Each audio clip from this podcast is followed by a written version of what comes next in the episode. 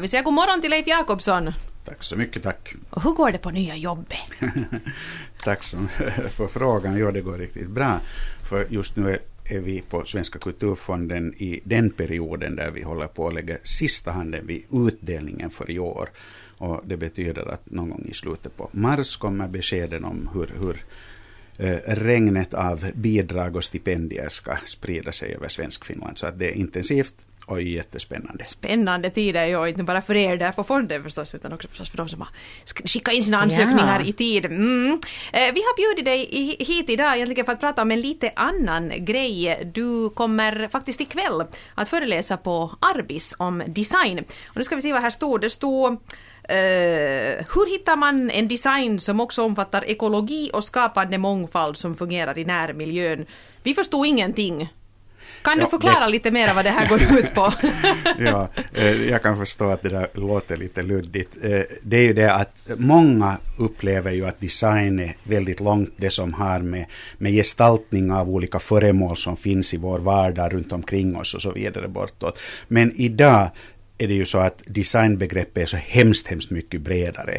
Men det har jag full förståelse för att det blir lite luddigt, för alla designgurus och filosofer som sysslar med de här sakerna grälar ju om de här definitionerna. Men eftersom det är fråga om att man idag designar inte bara så att säga varor och produkter, utan man, man designar processer och tjänster och informationer och miljöer och en massa andra saker, så är det klart att, att det blir en del av en större samhällsdebatt där just hållbarhet, demokrati och annat är element. Nå, vad skulle du säga att är utmärkande för god design?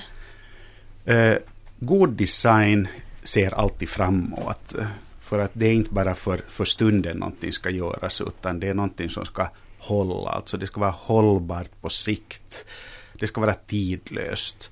Samtidigt så tycker jag att det är jätteviktigt att, att design eh, oberoende om det är då produkter som vi har nära oss, kläder eller det vi har på vårt bord då vi äter och dricker, så tycker jag att det ska finnas både liksom en klar eh, funktionell sida i det hela, det ska fungera bra och lätt och enkelt för oss, göra vårt liv lite enklare.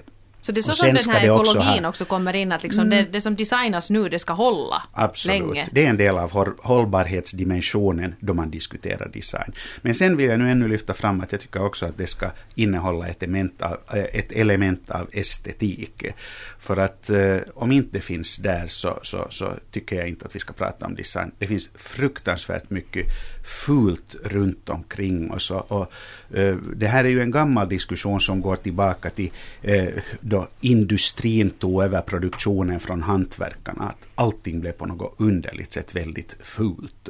Mm. Och jag, jag, tycker att det, det är viktigt att vi har vackra saker runt omkring oss. Och det myntades ju då i tiderna Eh, ett, ett begrepp som vackrare vardagsvara och jag tycker faktiskt att man skulle kunna återuppliva den diskussionen för att just nu lever vi i ett enormt överflöd som också är en belastning för miljön och, och, och naturen. Och, och, bort med det här överflödet och, och framför för vackrare vardagsvara. Mm. Det var en ganska bra slogan. Ja, så kan du ge något exempel på någonting som du tycker är god och hållbar vardagsdesign? Mm. Varför inte så här riktigt i, i huvudstadsregionen eftersom det är designhuvudstadsår på gång?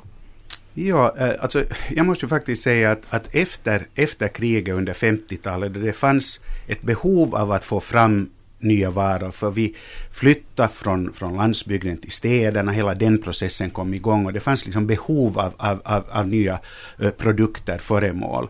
Men det fanns också en knapphet. Och jag tror liksom behovet av att få nytt och, och knappheten, bristen, gjorde att man var väldigt sparsmakad i, i, i sina eh, former, och, och, och, men valde då färger istället. Jag tycker att mycket av det som gjordes i Finland under 50-talet är suveränt. Det är suveränt vackert och tänk så det går att återanvända. Man, man, har det, man tar upp det i produktion på nytt och, och, och, det finns både på textilsidan och på glassidan, på porslinssidan och så vidare bortåt. Men ännu en gång som sagt, design är inte bara föremål utan det är så hemskt, hemskt mycket som har med vår, vårt liv att göra. Men det är sant det där du säger just om 50-talsgrejer, för ännu här för några år sedan så fanns det massa 50-tals stolar och soffor och sånt här på loppisarna. Nu finns det ingenting, för det är liksom riktigt sista skriket. Mm, folk köpa har insett ja, och köpte för dyra pengar mormors gamla stol som man nästan kastade på soptippen. Mm. Men jag funderar, jag funderar på en sån sak när du talar om det här med överflöd. Eh, det är också något som jag har reagerat vid. Man, man blir nästan illamående av allt det här kräsa som finns överallt. Vad ska man göra för att bli av med det? Hur ska man ändra vårt tänke och våra behov? Det, det är ju bara vi själva som kan ändra på det. Jag menar, vi kan inte skapa regler för, för, för hur mycket eller hur lite man ska konsumera, utan det måste ju var och en kun, kunna själv bestämma. Men att, att jag har ju många gånger eh, tänkt när jag kommer in i, i, i barnrum, hur mycket leksaker behöver barn egentligen? Jag kommer ihåg att man klarade sig med ganska lite sånt, åtminstone då jag var liten på, på somrarna då man var på landet. Då det var kottar och, och grenar och kvistar och annat som fick, fick bli våra leksaker. Att, äh, att, att, idag finns det en, en enorm Och det är ju produktion. hållbar design, så gjorde ju Hedenhösbarnen redan liksom. Onekligen, onekligen, ja.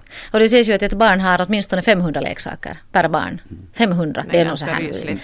forskning som är gjord, men det är ju ganska Och nu ska vi inte skuldbelägga barnen på något sätt, för jag tror att det är Men det är precis lika illa för oss eh, vuxna. Titta i din egen garderob och jag tror att du kommer att hitta en hel del överflöd av textildesign. Men Leif Jakobsson, du verkar väldigt engagerad i det här just med det här överflödet och den hållbara designen. Hur har det blivit så? Jag har varit intresserad av, av form, färg och material ända sedan skoltiden och, och, och därför har jag följt med, så här vid sidan om det jag har sysslat med professionellt, har jag följt med. Och faktiskt, eh, då jag i tiden har jobbat i det här huset och, och med tv-program så har jag gjort en del program om form och design. Så att det har nu varit ett sånt här sidospår i mitt liv som engagerar och är, är roligt och det är ju visuellt så att man blir stimulerad. Hur designfokuserad kommer du att vara på Kulturfonden? Eh, det är ju en del av, av den, den verksamhet som vi sysslar med, att också kunna stödja eh, hantverkare och, och formgivare på olika sätt. Mm. Men om någon tänker, skickar ingen ansökan, att jag vill ha stöd här, att jag vill, jag vill tillverka kräser som går sönder riktigt fort, så då kanske det inte går igenom. Eh, vad tycker du om ett sånt här designhuvudstadsår då? Har du några förväntningar på det? Nu har vi ju inte så hemskt mycket erfarenhet av design huvudstadsår. Det är ju tredje gången som, som man har gett den här utmärkelsen till en stad. Första gången var 2008 då, då eh, Torino eller Turin i Italien eh, var det första, eh, den första designhuvudstaden. Sen blev det Seoul i Sydkorea 2010 och nu är det då Finlands tur i år. Jag vet bara att eh, den diskussion som, som startade i, i Turin eh, då för, för fyra år sedan som, som var det här liksom change for change, changing for change, alltså att man, man, man nu måste vi tänka efter, nu måste vi göra någonting, vi måste börja tänka vi tänker globalt men vi ska verka lokalt. Och hela den här hållbarhetsdiskussionen mm. kring design som alltid i och för sig har funnits men nu lyftes det upp som en, en, ett huvudtema i designdiskussionen. Och det blir jätteintressant att se vilket blir tema som, som går vidare från Helsingfors. Jag hoppas att det är en lika viktig stafettpinne som, som, som just den här hållbarhetsdiskussionen från Turin. Mm. Vi har ju en sak vi nu måste upp med dig här. Du nämnde ju själv att, att FST är någonting som, som du har erfarenhet av. Du var FST-chef då i de här tiderna när faktiskt den här femman kom med i bilden. Och från och med idag får ju kanalen ett nytt namn igen. Nu är det då Yle 5, inget FST där då mera. Vad tycker du om det nya namnet? Eh, Yle 5, FST 5, alltså Yle är ju finska ordet Yleisradio är en förkortning av det och att kombinera uh, olika språk sådär. No, men jag vet att företaget idag inte mer heter Yleisradio rundradion utan enbart Yleisradio mm. så det får vi väl tugga i oss. men, men normalt brukar man ju inte kombinera uh, olika språk på det där viset i en, i en log logotyp eller det är ganska ovanligt. Sen då det gäller själva grafiska formen så tycker jag ju att den är ganska försiktig. Det är ju knappt så att man, man noterar förändringen. Men det är vanligt att då stora viktiga institutioner förnyar sin grafiska form så är det, tenderar det att bli ganska försiktigt. Mm, så du hoppar nu inte direkt jämfota här över den nya, nya designen på FST-loggan och Ja, namnet. men jag slår inte heller den ena foten i backen. ska ge det en chans givetvis och försöka lära oss att säga det för det, det kommer att vara trögt för mig. Yle 5, Yle 5. Yle 5, Yle så 5, heter den. ja. Eh, Leif Jakobsson, stort tack för att du kom hit idag och jag ska här då säga att det är ikväll, där strax efter klockan klockan 18 så man kan höra dig föreläsa på Helsingfors Arbis. Och det kostar ingenting och man behöver inte anmäla sig på förhand men det ryms inte in hur mycket folk som helst så det kan säkert löna sig att vara på plats i god tid. Tack för att du kom hit. Tack så mycket.